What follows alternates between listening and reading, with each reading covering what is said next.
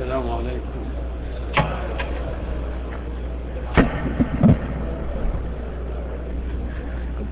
لا أنا أتصرف أنا أتصرف خلنا تقدم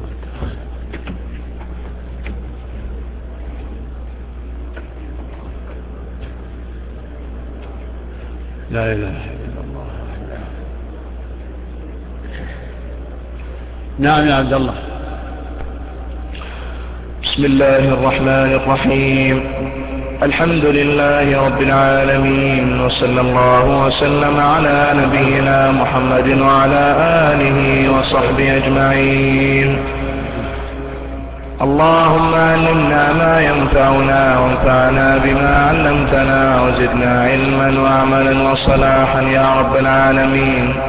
قال الشيخ عبد الرحمن بن ناصر السعدي رحمه الله تعالى وشيخنا والحاضرين والمسلمين وجمعنا بهم في جنات النعيم ومن تمام هذا الأصل الأصل الخامس طريقتهم في العلم والعمل وذلك أن أهل السنة والجماعة يعتقدون ويلتزمون أن لا طريق إلى الله وإلى كرامته إلا بالعلم النافع والعمل الصالح.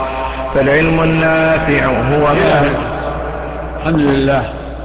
صلى الله وسلم وبارك على عبده ورسوله وعلى آله وصحبه. هذا هذا الأصل. يشمل كل ما تقدم وغيره. الأصل الخامس هو طريقة أهل السنة والجماعة في العلم والعمل. والعلم والعمل معروف العلم إن المراد به العلم بما جاء به الرسول صلى الله عليه وسلم. والعمل المراد به العمل بطاعة الله. العمل بذلك العلم. العمل بالأوامر والنواهي امتثال أوامر الله واجتناب المناهي. وهذا الأصل هو إجمال لكل ما جاء به الرسول عليه الصلاة والسلام. وهذا هو المذكور في قوله تعالى في غير آية هو الذي أرسل رسوله بالهدى ودين الحق. فسر الهدى بالعلم بالعلم النافع ودين الحق بالعمل الصالح. هذا الأصل بهذا المعنى بهذا الشمول هو طريق السعادة. هذا هو دين الله. هذا هو الصراط المستقيم. هذا الأصل هو الصراط المستقيم الذي شرع الله لنا أن نسأله الهداية إليه في كل ركعة. اهدنا الصراط المستقيم. اهدنا علمنا وأعنا ووفقنا وسددنا اهدنا الصراط المستقيم. الصراط المستقيم. ما هو؟ هو دين الإسلام. هو الدين الذي بعث الله به رسوله. هو الكتاب والسنة والقيام بهما. هذا هو الصراط المستقيم. صراط من؟ صراط وطريق المنعم عليه. صراط الذين أنعمت عليهم. صراط المنعم عليهم. المنعم عليهم النعمة الحقيقية التامة. من؟ إنهم الأنبياء والصديقون والشهداء والصالحون. هؤلاء هم المنعم عليهم وهم الذين على الصراط. هم الذين جمعوا بين العلم والعمل. العلم بدين الله العمل بدين الله العلم العمل بذلك العلم.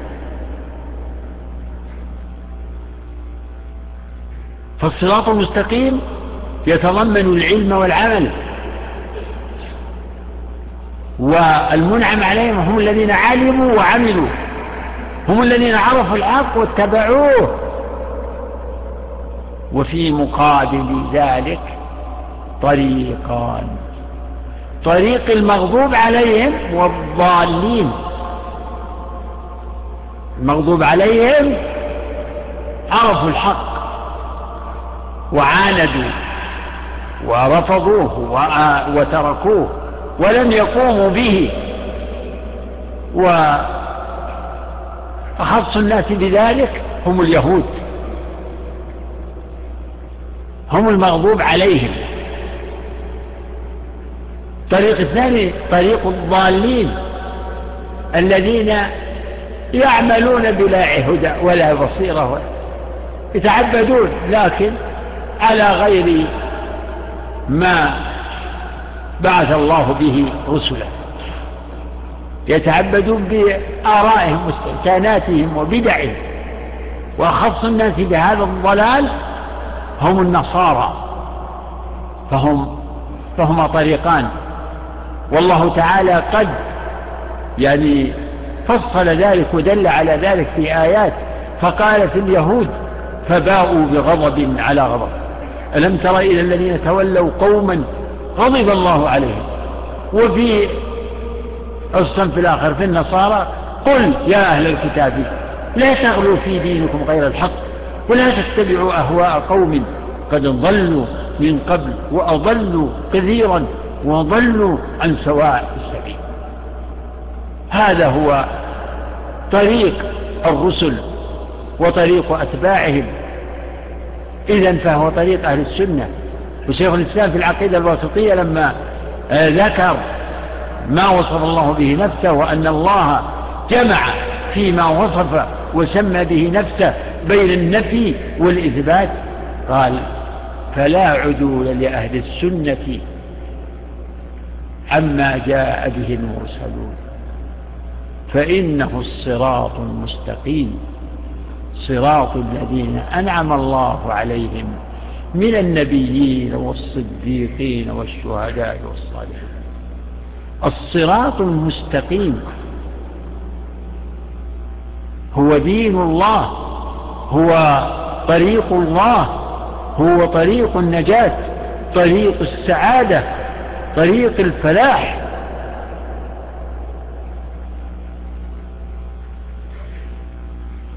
فمن سار على هذا الطريق كان على هدى وكان من المفلحين. كان على هدى وكان من المفلحين. اقرأوا الآيات في سورة في مطلع سورة البقرة. ذلك الكتاب لا ريب فيه هدى هدى للمتقين. إلى قوله وهم بالآخرة هم يوقنون. أولئك على هدى من ربهم وأولئك هم المفلحون. والهدى إذا أفرد فإنه يشمل الهدى في العلم والعمل. لكن إذا إذا اقترن وذكر الهدى مع الدين الحق يفرق بينهم. فاللفظ الواحد أو اللفظان يتحد معناهما إذا اختلفا ويختلف معناهما أو يفترق في المعنى إذا اجتمعا كما ذكر شيخ الإسلام وغيره في مسمى الإيمان والإسلام.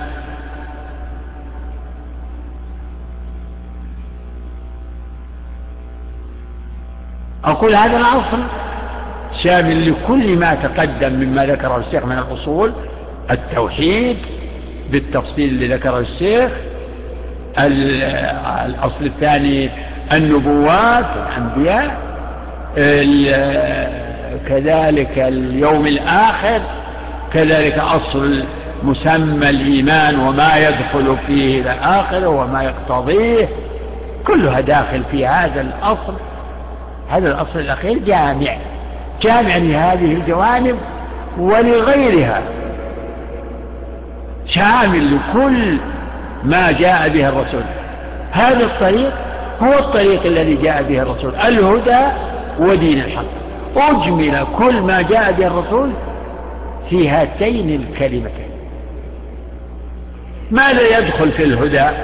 العلم النافع يدخل فيه كل ما في الكتاب والسنة من الأخبار.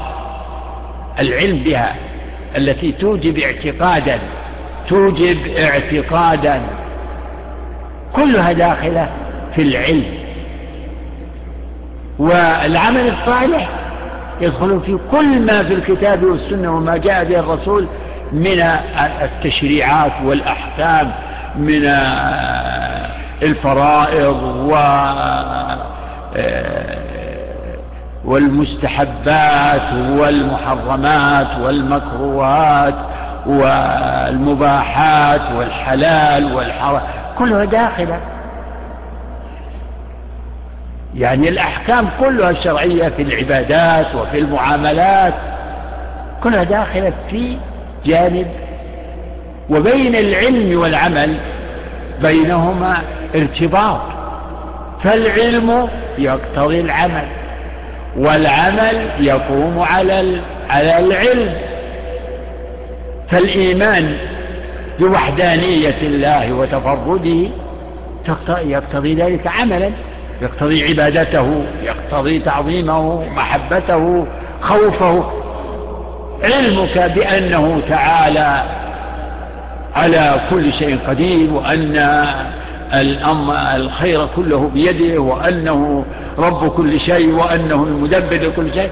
يقتضي عملا التوكل عليه آه، تعظيمه بل وعبادته. ولهذا آه، تقدم إن توحيد الربوبية يستلزم توحيد الإلهية. الإيمان بأنه الإله الحق يقتضي عملا وهو تخصيصه بالعبادة والكفر بما يعبد من دونه. كل يعني مسائل الاعتقاد لأن مسائل الدين مسائل علمية اعتقادية ومسائل عملية والمسائل العملية تشمل أعمال القلوب وأعمال الجوارح. والعمل يقتضي ينبني على اعتقاد. طبق هذا في كل الأمر. لابد الصلاة. أعظم الواجبات بعد الشهادة الصلاة. الصلاة تقوم على اعتقاد. اعتقاد وإيمان. الإيمان بوجوبها. هذا هذا هو الأصل. الإيمان بوجوبه فمن جحد وجوبه يصلي إلا نفاقا. لابد من اعتقاد. فأداء الصلاة والقيام بالصلوات الخمس مبني على الإيمان الإيمان بوجوبها والإيمان بفضلها الإيمان بفضلها. تبين إن إن بين الاعتقاد والعمل أتم ارتباط فالاعتقاد الحق والإيمان بالله وكتبه ورسله واليوم الآخر. يستلزم الانقياد لأوامر الله ونواهيه فعلا وتركا ولهذا يفرق بين يعني في حكم آه تارك الاعتقاد وتارك العمل. يعني واحد يؤمن بتحريم الزنا هذا هذا إيجابي هذا من صميم العقيدة وهو بهذا محسن وبهذا يعني هذا جزء من من الإيمان الاعتقادي. يؤمن بتحريمه ويؤمن بسوء عاقبته. ولكن قد يزني. ففرق بين هذا ومن يجحد وجوب الزنا. جاحد وجوب يعني تحريم الزنا. من يستبيع الزنا هذا كافر. يكون كافرا. لأنه جعل معلوما من دين الإسلام بالضرورة. لكن من يقر بتحريمه ويلتزم بتحريمه لكنه آه، يخل في العمل. فهناك الخلل في العمل. فالانحراف يكون في الاعتقاد تارة وفي العمل تارة. والإخلال في الاعتقاد يجرع أو يؤدي إلى الإخلال في العمل. فبين المسائل. الإيمان ننتقل إلى نوع آخر الإيمان بأن الله شديد العقاب وأن الله سميع بصير. هذا يوجب عمل يوجب الخوف. لأن, لأن العبد يؤمن بأن الله شديد العقاب. وأن الله يسمع ويرى. فهذا يوجب له شعوره بهذا يوجب له الخوف من الله لأنه يعلم أنه شديد العقاب وأنه يسمعه ويراه. وإيمانه بأنه غفور رحيم وأنه رحيم وأنه يسمع وأنه يراه هذا يوجب له الطاعة و في رحمته والطمع في في مغفرته مما يمد مما يقوي عزيمته على القيام بأمر الله. وتوكل على العزيز الرحيم الذي يراك حين تقوم وتقلبك في الساجدين. الله تعالى يصبر النبي ويقول واصبر لحكم ربك فإنك بأعيننا. الداعي إلى الله المجاهد إذا استشعر يعني ما يؤمن به أوجب له ثباتا وصبرا وتوكلا وإقداما و بحسب. وقد يكون العبد مؤمن ب... ب... يعني بالمسألة أو مؤمن بال... بالأمر من الاعتقاد لكنه يكون غافلا. يغفل عنه ما يستحضر فيضعف أثر هذا الإيمان يضعف أثره على عمله. فيتعلق بالأسباب مثلا هو يؤمن بأن الأمر كله لله وأن العطاء والمنع لله وأن الله خالق كل شيء وأنه لا يكون إلا ما يريد يؤمن بهذا كله. لكنه لا يستحضر ولا يتحقق عنده هذا هذا الاعتقاد في شعوره وفكره فيتعلق بالأسباب. يتعلق ويعتمد على الأسباب ويضعف توكله على الله. وأعتبر هذا في كل الجوانب. فالإيمان بأسماء الله وصفاته لها آثار. الإيمان لها آثار عملية. من تعظيم الله وخوفه ورجائه والتوكل عليه أعمال القلوب ومن القيام بطاعته ومن يعني الولاء والبراء هو من آثار يعني الإيمان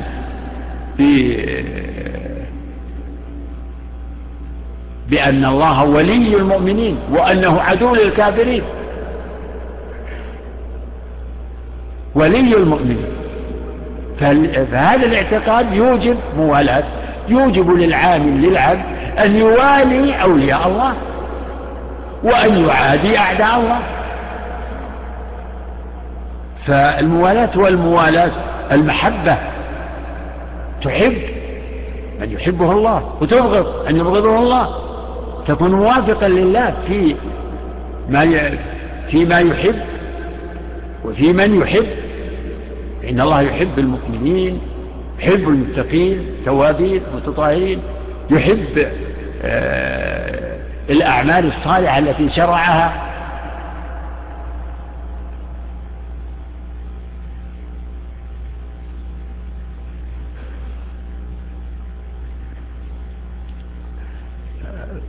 فهذا نعود نقول إن هذا الأصل الخامس أصل جامع شامل وسيفصل الشيخ فيه بعض التفصيل لما يشمله مفهوم العلم وما يشمله مفهوم يعني العمل وأن يعني حظ الإنسان من السعادة والفلاح والفوز في الدنيا والآخرة بحسب حظه من القيام بهذين الركنين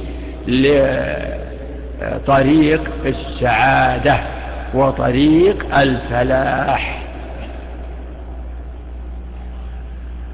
نعم. بسم الله. نعم. فالعلم النافع هو ما جاء به الرسول صلى الله عليه وسلم من كتاب الله وسنة رسوله صلى الله عليه وسلم. ويجتهدون في معرفة معانيها والتفقه فيها أصولا وفروعا ويسلكون جميع طرق الدلالات فيها. دلالة المطابقة ودلالة التضمن ودلالة الالتزام ويبذلون قواهم في إدراك ذلك بحسب ما أعطاهم الله. يقول مفهوم العلم العلم شامل بكل ما جاء به الرسول صلى الله عليه وسلم من الأمور الخبرية ومن والطلبية لأن النصوص إما أمر أو نهي أو خبر. كلها الكتاب والسنة إما آخر يعني هذا أصل, أصل الكلام هو ينقسم هذا الانقسام. خبر وإنشاء. خبر وطلب. الكتاب والسنة مشتمل مشتملان على علوم اعتقادات على أعمال يعني على إيه، يعني نصوص. تتضمن إيه، يعني الأمور العملية أمر ونهي إباحة أو وجوب أو استحباب نهي تحريم أو كراهة أحكام. إيه، إذا طالب السعادة عليه أن يطلب هذا العلم عليه يطلب هذا العلم. وذلك بأن يتعلم كتاب الله وسنة رسوله. عليه أن يتفقه فيهما يتدبر لهما وبحسب ما آتاه الله من القدر العقلية لأن قدر العباد متفاوتة تفاوتا عظيما. ولهذا صار الناس فيهم عالم وأعلم ومتعلم وفيهم عامة. لا, لا يتمكنون من آه، الإدراك الكثير في بل يكونون آه، يعني حسبهم أن أن أن يعملوا بما وصل إليهم وبما أرشدهم إليه آه، من عنده علم. فهم تابعون لغيرهم في هذا. لكن على طالب العلم على من من الله عليه بالعقل والفهم عليه أن يجد ويجتهد في فهم القرآن والتفقه في معانيه والوسائل المعينة الوسائل المعينة لهذا. يعني مثلا علم اللغة. القرآن نزل بلسان عربي. فمما يعين معرفة أصول وقواعد اللغة العربية. لأن آه، فهم الكلام ينبني على فهم ذلك اللسان وخصائص ذلك اللسان ودلالة الألفاظ. ولهذا يقول الشيخ هنا في في تطبيق آه، التدبر لنصوص القرآن عليه آه، يعرف الدلالات. فاللفظ له ثلاث دلالات. دلالة مطابقة ودلالة تضمن ودلالة التزام أو استلزام. يقولون الضابط في هذا دلالة اللفظ على كل معناه دلالة مطابقة. على كل معنى. دلالته على بعض معناه دلالة تضمن. دلالته على أمر آخر يستلزمه المعنى دلالة التزام.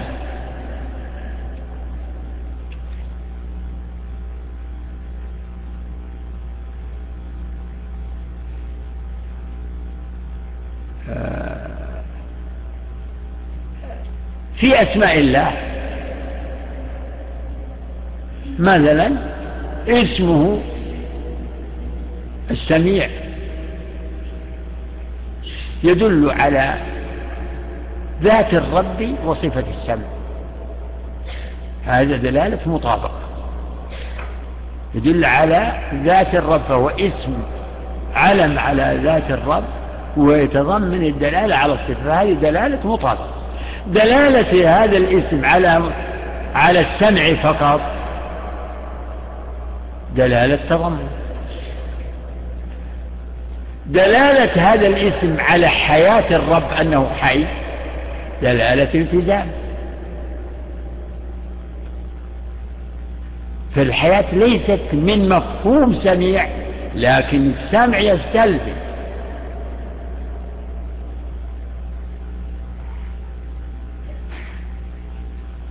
الصلاة في مفهومها دلالة لفظ الصلاة الشرعية على ما في الصلاة من أركان وواجبات وسنن. الصلاة مفهومة في الشرع يتضمن هذه يشمل كل هذه الجوانب. لفظ الصلاة يشمل أركان الصلاة المفصلة المعروفة واجبات الصلاة سنن الصلاة. فدلالتها على مجموعة على هذه المجموعة دلالة مطابقة. دلالتها على بعض ذلك دلالة تضمن.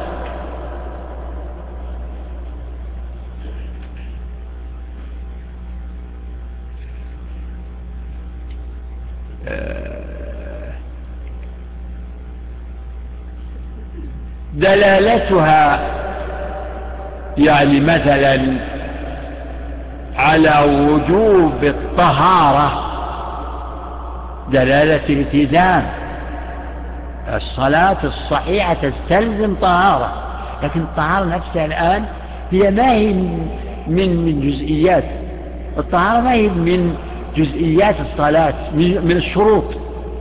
ولهذا فرق العلماء بين الأوتار والواجبات والسنن هذه هذه من من من مقومات الفعل لكن الطهارة من الشروط. شروط عمل خارجي الوضوء قبل يجي قبل الوضوء منفصل. لابد إن شئت أيضا اقتضاءها للوقت الوقت من الشروط شرط.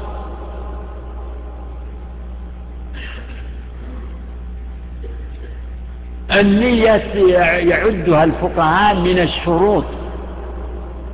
من الشروط لأنها مطلوبة أن تسبق أن تسبق الصلاة. وإن كان الشرط منه ما يستمر من شاء منه ما يتحقق قبل وينقضي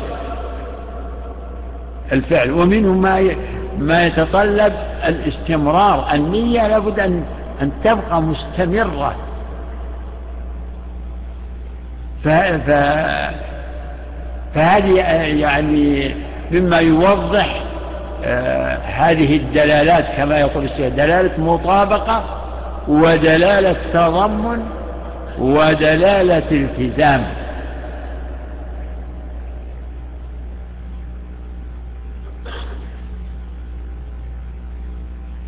فالتدبر للنصوص يعني من تمامه أن مراعاة هذه الدلالات من من تمام التدبر والفقه. ولهذا أهل العلم بمراعاة هذه الجوانب يستنبطون الأحكام على هذا الأساس. هذا الأمر يتضمن كذا هذا الأمر يقتضي كذا هذا يستلزم كذا. فإذا كان المأمور به واجبا فإنه يجب هذا الفعل ويجب ما يستلزمه هذا الفعل. فالأمر بالصلاة أقيموا الصلاة يتضمن آه، كل ما يدخل في مفهوم الصلاة ويستلزم آه، ما يلزم للصلاة. الصلاة تستلزم الطهارة. إذا فلا بد من طهارة. فالأمر بالصلاة؟ آه، أمر بالطهارة. أمر بالشروط, بشروط الطهارة. نعم. بسم الله عليك. نعم. ويعتقدون أن هذه هي العلوم النافعة وكذلك ما تفرع عنها من أقيسة صحيحة ومناسبات حكيمة وكل علم أعان على ذلك أو آزره أو ترتب عليه فإنه علم شرعي.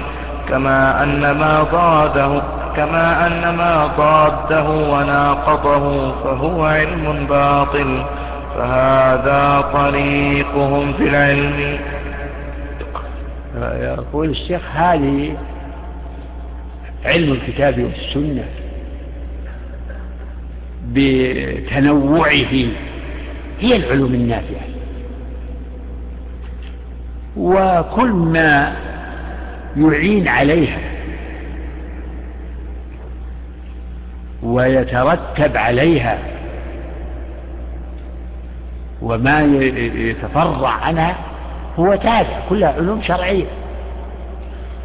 لكن أصول هذا العلم لعلها تقدمت الإشارة أصول هذا العلم الأساسية هي ثلاثة العلم بالله بأسمائه وصفاته وأفعاله وهذا يتضمن العلم بربوبيته وإلهيته وأسمائه وصفاته. الثاني معرفة شرعه الذي هو يعني منهج للحياة أفعال أوامر ونواهي. الثالث معرفة آه، ما يصير إليه المكلفون وما ينتهي أمر هذا يعني أمر هذا العالم وما يصير إليه العاملون في اليوم الآخر اليوم الآخر وما يدخل فيه كما تقدم. فهذه هي مدار العلوم علم النبوة مدار على هذه الأسس. العلوم الأخرى كلها يعني معينة من ناحية معرفة هذه العلوم وإدراكها إدراكا صحيحا والقيام بذلك. علوم. هات تنوعت العلوم. جاء علم التفسير علم الحديث علوم الحديث علوم اللغة. هذه كلها علوم شرعية. علوم اللغة لأنها الأصل أنه يقصد بها التوصل إلى فهم كلام الله وكلام رسوله. علم التفسير التفسير يقصد به بيان معاني كلام الله خاص بالقرآن التفسير. ولهذا في لسان أهل العلم التفسير أخص ببيان معاني القرآن. الشرح هذا واسع. شرح الأحاديث يسمون شروح الحديث. شرح يعني هو تفسير. تفسير لحديث رسول الله صلى الله عليه وسلم. لكن جرى الاطلاع على هذا. تفسير القرآن. قال ابن عباس رضي الله عنهما التفسير على أربعة أوجه. تفسير تعرفه العرب من كلام. تفسير لا يعذر أحد بجهل. تفسير تعرفه العلماء وتفسير لا يعلمه إلا الله. من ادعى علمه فهو كاذب. كل تفسير كل هذه الأنواع تتعلق بالقرآن.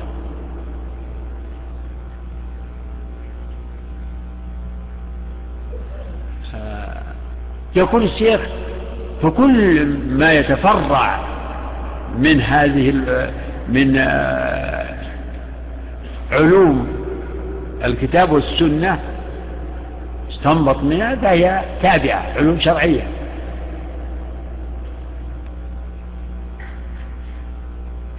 وكل ما يعين عليها كما تقدم من العلوم اللغوية ومثل علوم الحديث أصلها العلماء لمعرفة الحديث. الصحيح من الضعيف كل ذلك لتمحيص السنة ومعرفة السنة. تنوعت العلوم كلها شرعية لكن المحور هي الأصول الثلاثة. هذا هو المحور هي العلوم الثلاثة. العلم ينقسم هذه إلى هذه الأصول أو الأقسام الثلاثة. هذه هي المحور الأساسي هي الغاية.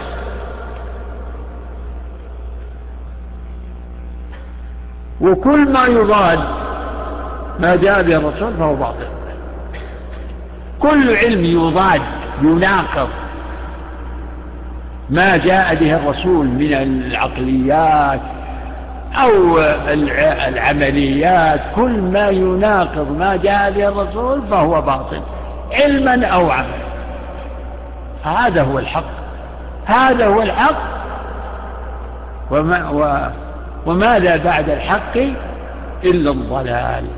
فهما متقابلان.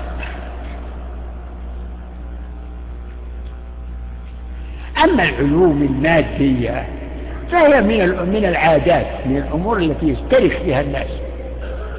العلوم الدنيوية. العلوم الدنيوية منها علوم نافعة في الحياة ومنها علوم ممكن تكون ضارة. وعلوم هزيلة رديئة لا خير فيها. ما لها ما لها قيمة ما لها أثر ولا نفع لا في دين ولا دنيا. فهذا من اللغو ومن الباطل. أما العلوم النافعة في الدنيا فهي معتبرة شرعا لكن ليست علوم شرعية لا يقال لها علوم شرعية.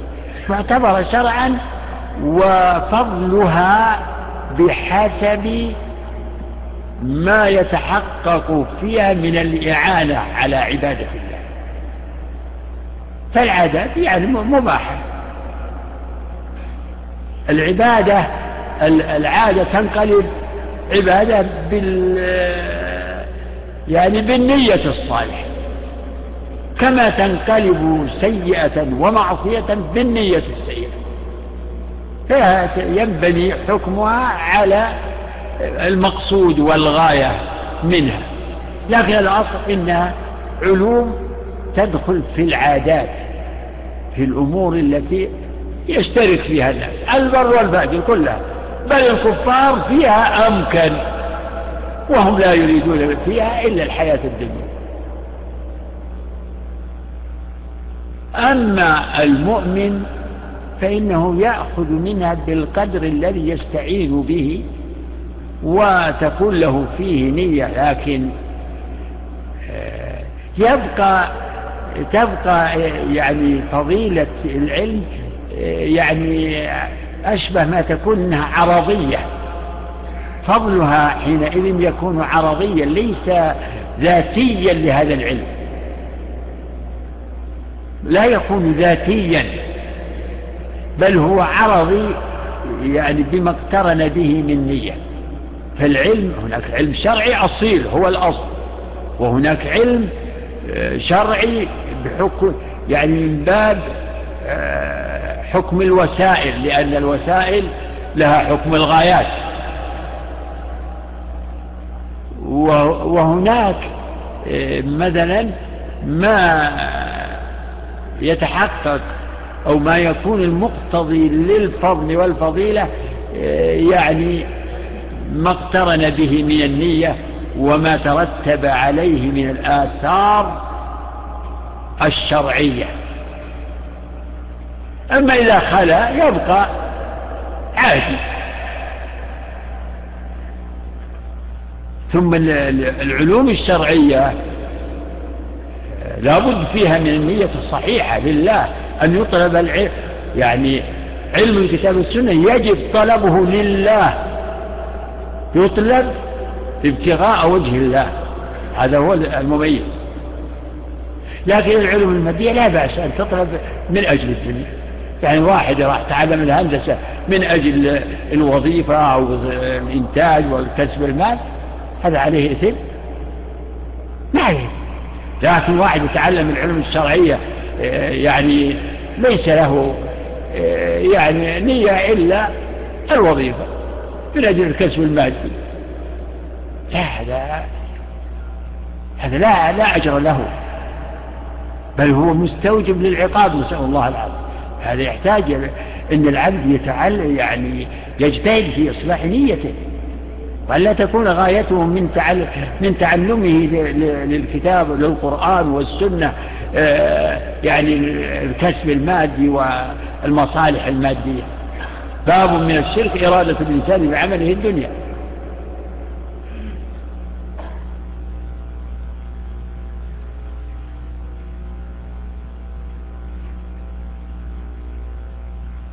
يعني ممكن علم اللغة العربية يمكن يصير واحد يتعلم آه، العربية من أجل الوظيفة أمر سهل. هذا لأن لأن العلم النحو ما هو هو من التوابع ليس هو من صميم العلم الشرعي.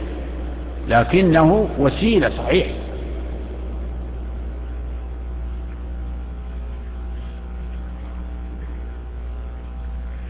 نعم.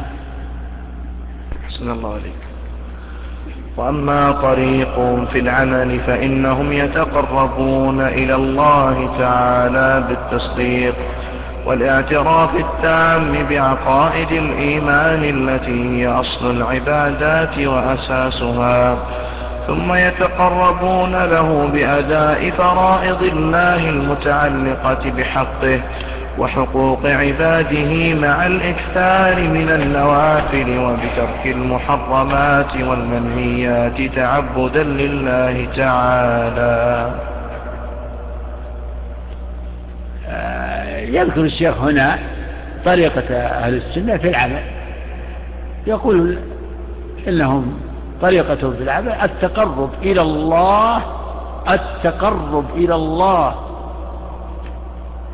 بالإيمان بما جاء في الكتاب والسنة بالإيمان بالله ورسله وكتبه واليوم الآخر بالإيمان بما يشمله الإيمان من أصول الاعتقادات من أصول الاعتقاد. يتقربون إلى الله بامتثال أوامر الله واجتناب ما نهى عنه يتقربون إليه بأداء الفرائض والمستحبات وترك المحرمات والمكروهات يتقربون إلى الله بكل ما يحب من فعل وترك. هذا هذا طريقهم في العمل وهم كما تقدم. هم في هذا المقام ثلاثة أصناف.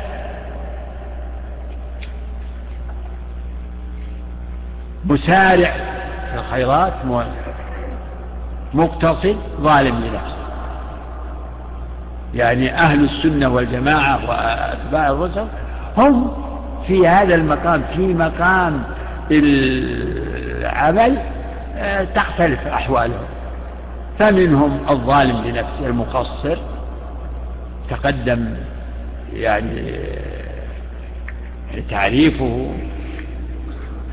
المقتصد وهم لهم يعني هم أصحاب اليمين المسارعون في الخيرات كذلك وهم المقربون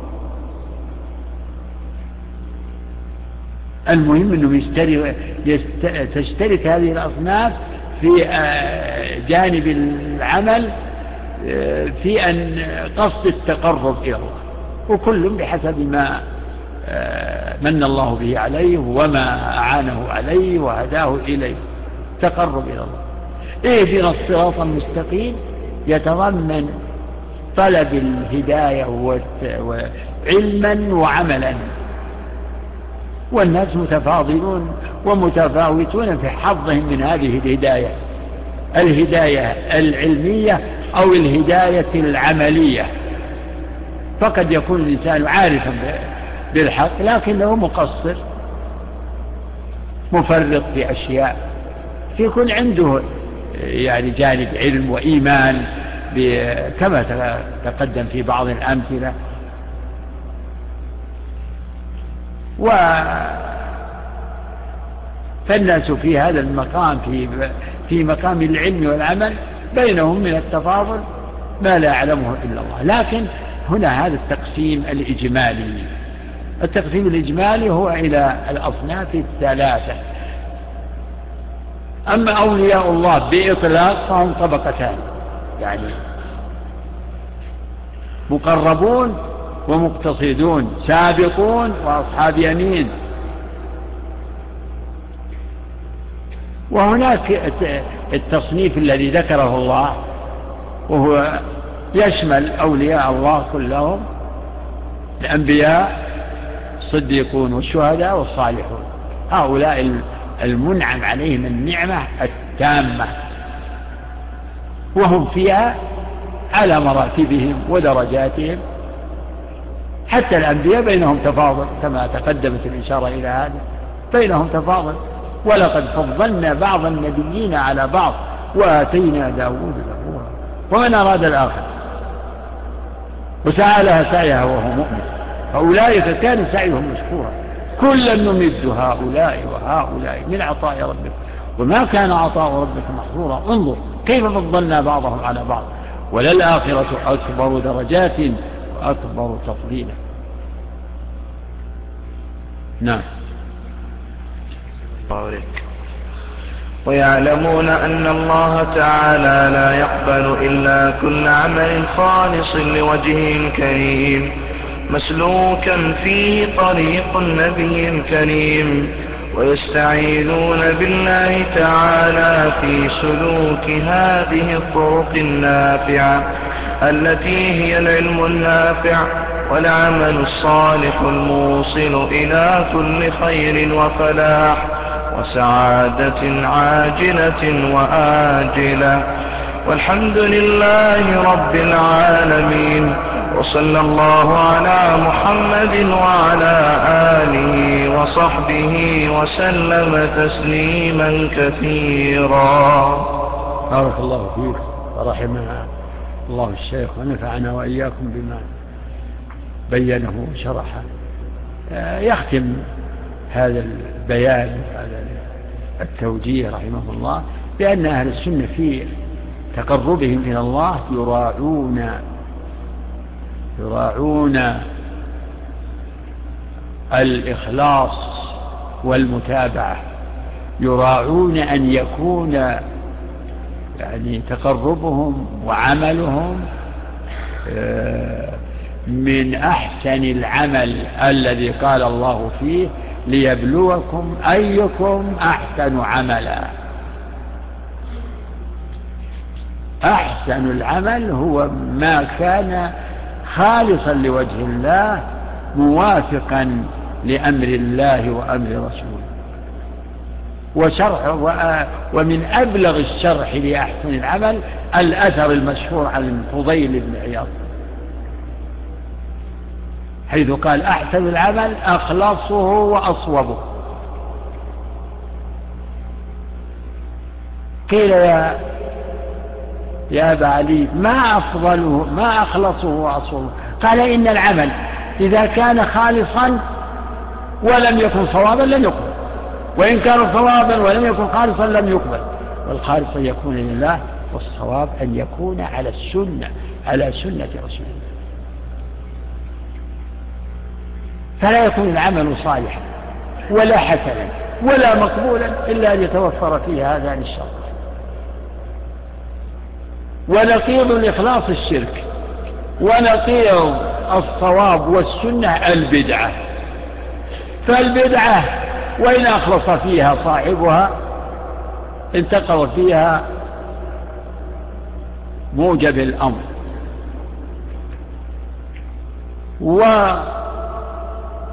والمرائي في عمله والمشرك في عمله ولو كان موافقا للأمر انتقض فيه شرط الإخلاص.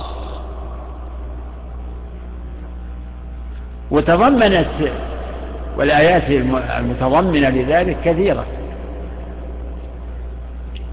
الله أمر بتوحيده أمر بإخلاص العمل لله تنزيل الكتاب الله العزيز الحكيم إنا أنزلنا إليك الكتاب بالحق فاعبد الله مخلصا له الدين.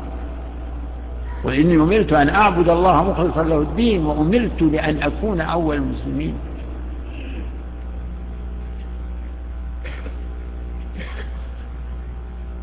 وأمر الله بطاعة رسوله واتباع رسوله. اتبعوه. اتبعوه لعلكم قل إن كنتم تحبون الله فاتبعوني. يحببكم الله ويغفر لكم ذنوبكم والله غفور رحيم.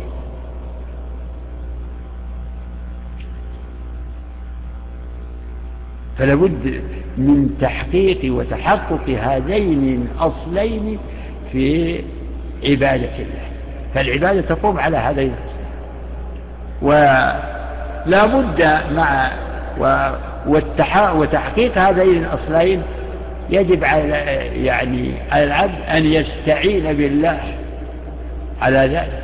يسأل ربه أن يهدي قلبه ويصلح نيته وأن يمن عليه بالإخلاص. يسأل ربه أن يهديه بسنة رسوله. يسأل ربه يستعين بالله. فإن كل ما يحصل من ذلك فهو بتوفيق وهداية ومع وبمعونة من الله. فالعبادة فالتقرب إلى الله يكون بالعبادة والاستعانة. ولهذا قال الله بينهما في أعظم سورة إياك نعبد. نعبد يعني داخل فيها كل العلم والعمل. لأن العبادة العمل لا يكون إلا بالعلم. ففيها إجمال العلم والعمل. ويقسم شيخ الإسلام رحمه الله في آخر التدمورية الناس باعتبار العبادة والاستعانة أربعة أقسام. أكملهم من يعبده ويستعين وهم, وهم في ذلك على تفاوت ما لا يحصيه إلا الله. يعبده ويستعين ومنهم من يعبده ولا يستعين به. يعبد الله لكن لا يستعين. غافل عن حاجته إلى ربه. ما يشعر بافتقاره إلى ربه ما يشعر بأن ما قام به من العبادة إنما كان بتوفيق الله. ومنهم من يستعين به في مطالبه ولا يعبده. يستعين بالله. ومنهم وهم شر الأقسام من لا يعبده ولا يستعين به فهو معرض عن الله. لا يلتفت إليه لا يتوكل عليه ولا يعبده ولا يقوم بطاعته. فنسأله سبحانه وتعالى أن يمدنا وإياكم بتوفيقه أن يعلمنا وإياكم أن يعلمنا ما ينفعنا وأن ينفعنا بما علمنا وأن يشرح صدورنا لطاعته وأن يعيذنا وإياكم من الشيطان الرجيم ومن شرور أنفسنا وسيئات أعمالنا. وأن يعصمنا وإياكم من مضلات الفتن. إنه تعالى سميع الدعاء ورحم الله الشيخ عبد الرحمن السعدي على ما بينه في هذا المختصر الوجيز الذي شمل آه، كما بين الأصول أصول الدين الاعتقادية والعملية. أصولها لكنه أجمل ما يتعلق بالعمل أجمله في الأصل الخامس والله أعلم. صلى الله وسلم وبارك على عبده ورسوله. تفضل يا عبد الله الله يرضى عليك. أحسن الله عليك يا شيخ. الإخوان يسألون غدا وبعد غد. سوي الإخوان يسألون غدا وبعد غد. غدا إيش يعني آه ما في شيء. إيه، كانوا يريدون بعضهم أن يكون أسئلة. الله يرضى عليك. أحسن الله إليكم. يقول السائل كيف يقوي المرء إخلاصه لله تعالى؟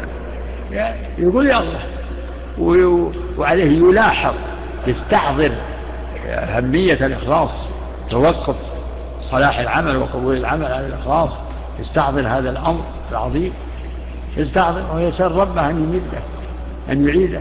إذا أحس بشيء من من الالتفات إلى الحضور يستعيذ بالله من الشيطان. جهاد جهاد الله. يصلح الأحوال. لا إله إلا الله. هو الذي سبحانه وتعالى يصرف القلوب. استجيبوا لله وللرسول. إذا دعاكم لما يحييكم. واعلموا أن الله يحول بين المرء وقلبه. الإنسان ما يملك القلب. على الإنسان يسأل ربه يا مقلب القلوب ثبت قلبي على دينه نعم. أحسن الله إليكم. هل يجوز تعلم أسماء الله وصفاته من الكتب بدون قراءتها على العلماء؟ يقرأ القرآن تعلم من الكتب. لا يتعلمها من القرآن. إيش معنى من الكتب؟ من القرآن يقرأ بسم الله. الحمد لله رب العالمين. الرحمن الرحيم مالك يوم الدين. ويقرأ التفاسير المأمونة. التفاسير المأمونة لابد. كتفسير ابن كثير وتفسير السعدي وتفسير السلف. نعم. أحسن الله إليكم. حديث خلوف فم الصائم أطيب عند الله؟ حديث لخلوف فم الصائم. لخلوف. لخلوف فم الصائم أطيب عند الله من ريح المسك. هل فيه دلالة على أن الله يشم؟ الله أعلم. نعم. أحسن الله إليكم.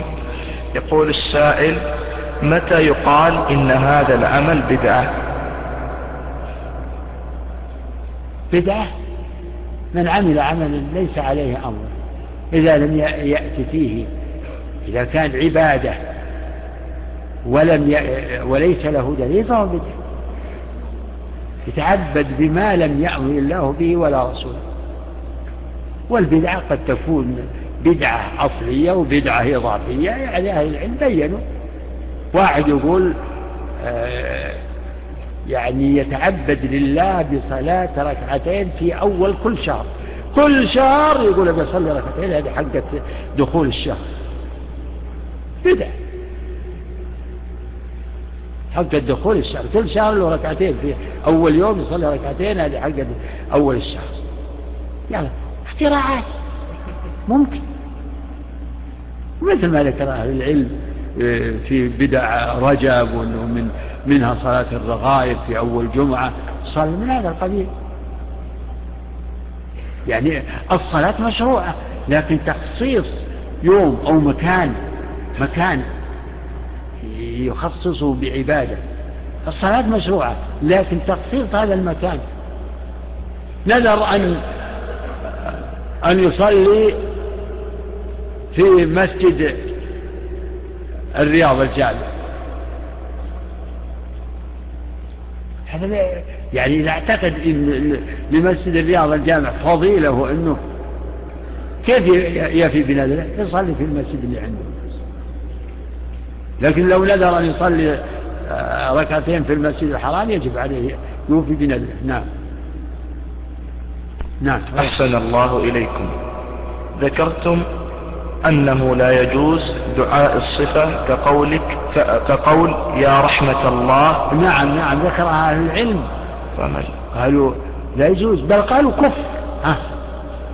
دعاء الصفة كفر يعني لو فهم الإنسان. وقصد ما يدل عليه هذا اللفظ يكون كافر. لأن يا رحمة الله آه، ارزقيني يا رحمة الله اشفيني يا رحمة الله آه، أدخليني الجنة. هذا معناه أنه كان يتصور أن رحمة الله شيء قائم بنفسه ولها آه، وأن لها سمع يسمع تسمع وتجيب الدعاء وأنها لها مشيئة كأن يعني تصور أنها كإله. لا غلط. نعم. فما الفرق بينها وبين قول أعوذ بكلمات الله؟ هذا توسل من نوع التوسل. مثل أسألك يا الله برحمتك. نعم. أحسن الله إليكم. هل نثبت لله أصابعا خمسة؟ نثبت لله أصابع بس. أحسن الله. نعم. كيف يجمع المسلم بين إرادة الإخلاص في طلب العلم الشرعي وبين إرادة الوظيفة؟ ما أدري هذا إليه. إن, إن صحت نيته وكان الأساس هو طلب العلم والوظيفة يعرف أنه إن شاء الله تيسر أمره. أما أنه يصير المحرك والمؤثر هو طلب الوظيفة. يعني الناس أصناف في هذا. منهم من يكون مقصوده الأساسي هو العلم الشرعي والوظيفة تابعة. يعني في الطريق لأنه معروف أنه إذا درس وتخرج وأخذ الشهادة أنه آه، تصير وسيلة للوظيفة. ومنهم من تكون الوظيفة هي الأصل عنده. وتعلم الشرع تعلم هذه العلم. يعني لو لم يكن هذا المطلب ما كان له ذلك الاهتمام. ومن الناس من يكون بين بين. يريد هذا وهذا والله يعلم ما في القلوب نعم. أحسن الله إليكم. هل سبق الشيخ أحد من السلف في جعل هذه الأصول أصولا للعقي... أصولا للعقيدة أم هي أصول محدثة؟ سبحان الله سبحان الله. يعني أسئلة محدثة نجيب محدثة يا أخوان. التوحيد يعني هذا محدث من الشيخ كون يقول الأصل الأول التوحيد محدث. التوحيد ده هو من الإيمان بالله. سبقه الرسول. الرسول سبق في ذكر هذه الأصول. هذه الأصول الرسول ذكر. الإيمان بالله. لا إله إلا الله. شهادة لا إله إلا الله. الإيمان بالأنبياء. الرسول قال كتبه ورسله. نعم غير أحسن الله إليكم.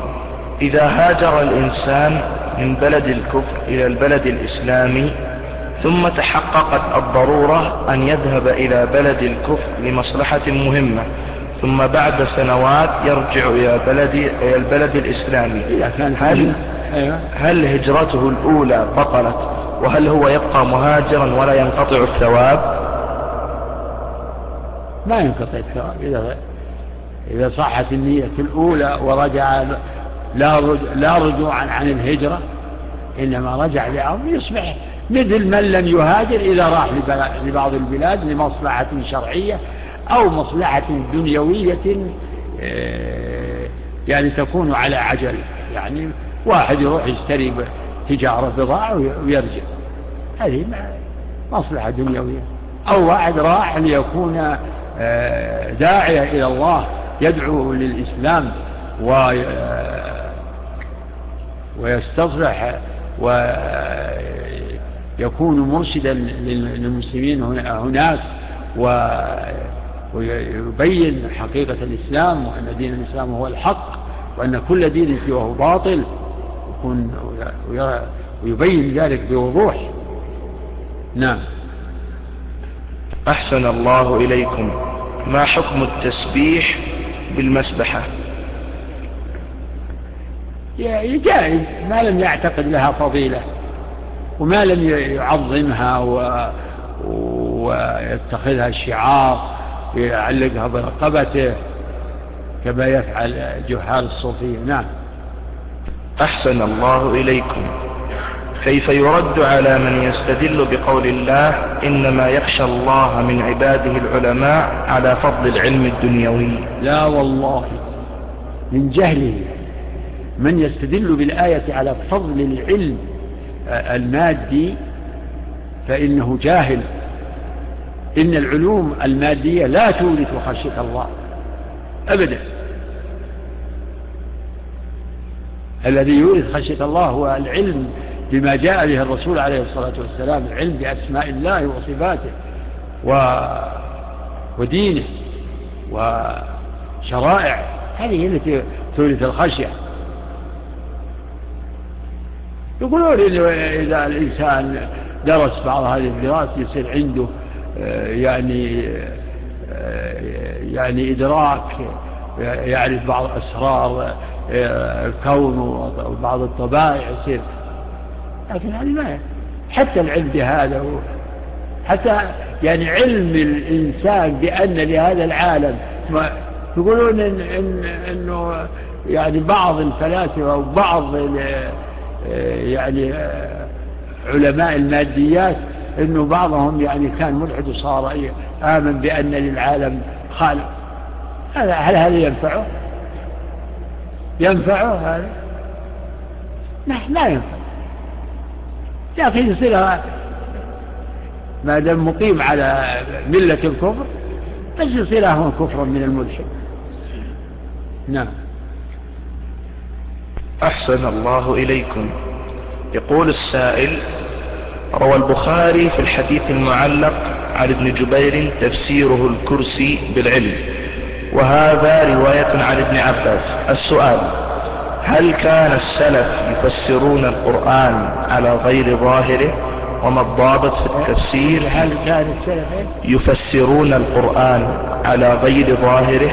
لا والله ما هم يفسرون. يفسرونه بما يدل عليه آه، اللفظ وما يقتضيه السياق وما جاءت به الآثار.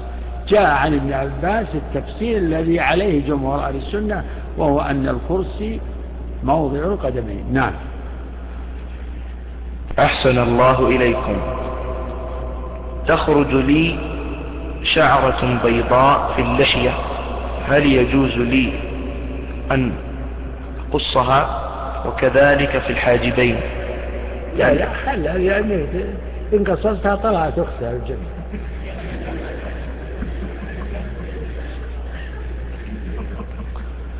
أحسن الله إليكم. الإخوان في الدرس يطلبون منكم شرح القواعد الأربع في اليومين القادمين. والله ما هو الظاهر. شرح القواعد الأربع مشروع وموجودة مسجلة ومطبوعة. ويرجون منكم نصيحة تختمون بها هذا اللقاء. أوصيكم بما تضمنه هذا المختصر. والله أعلم.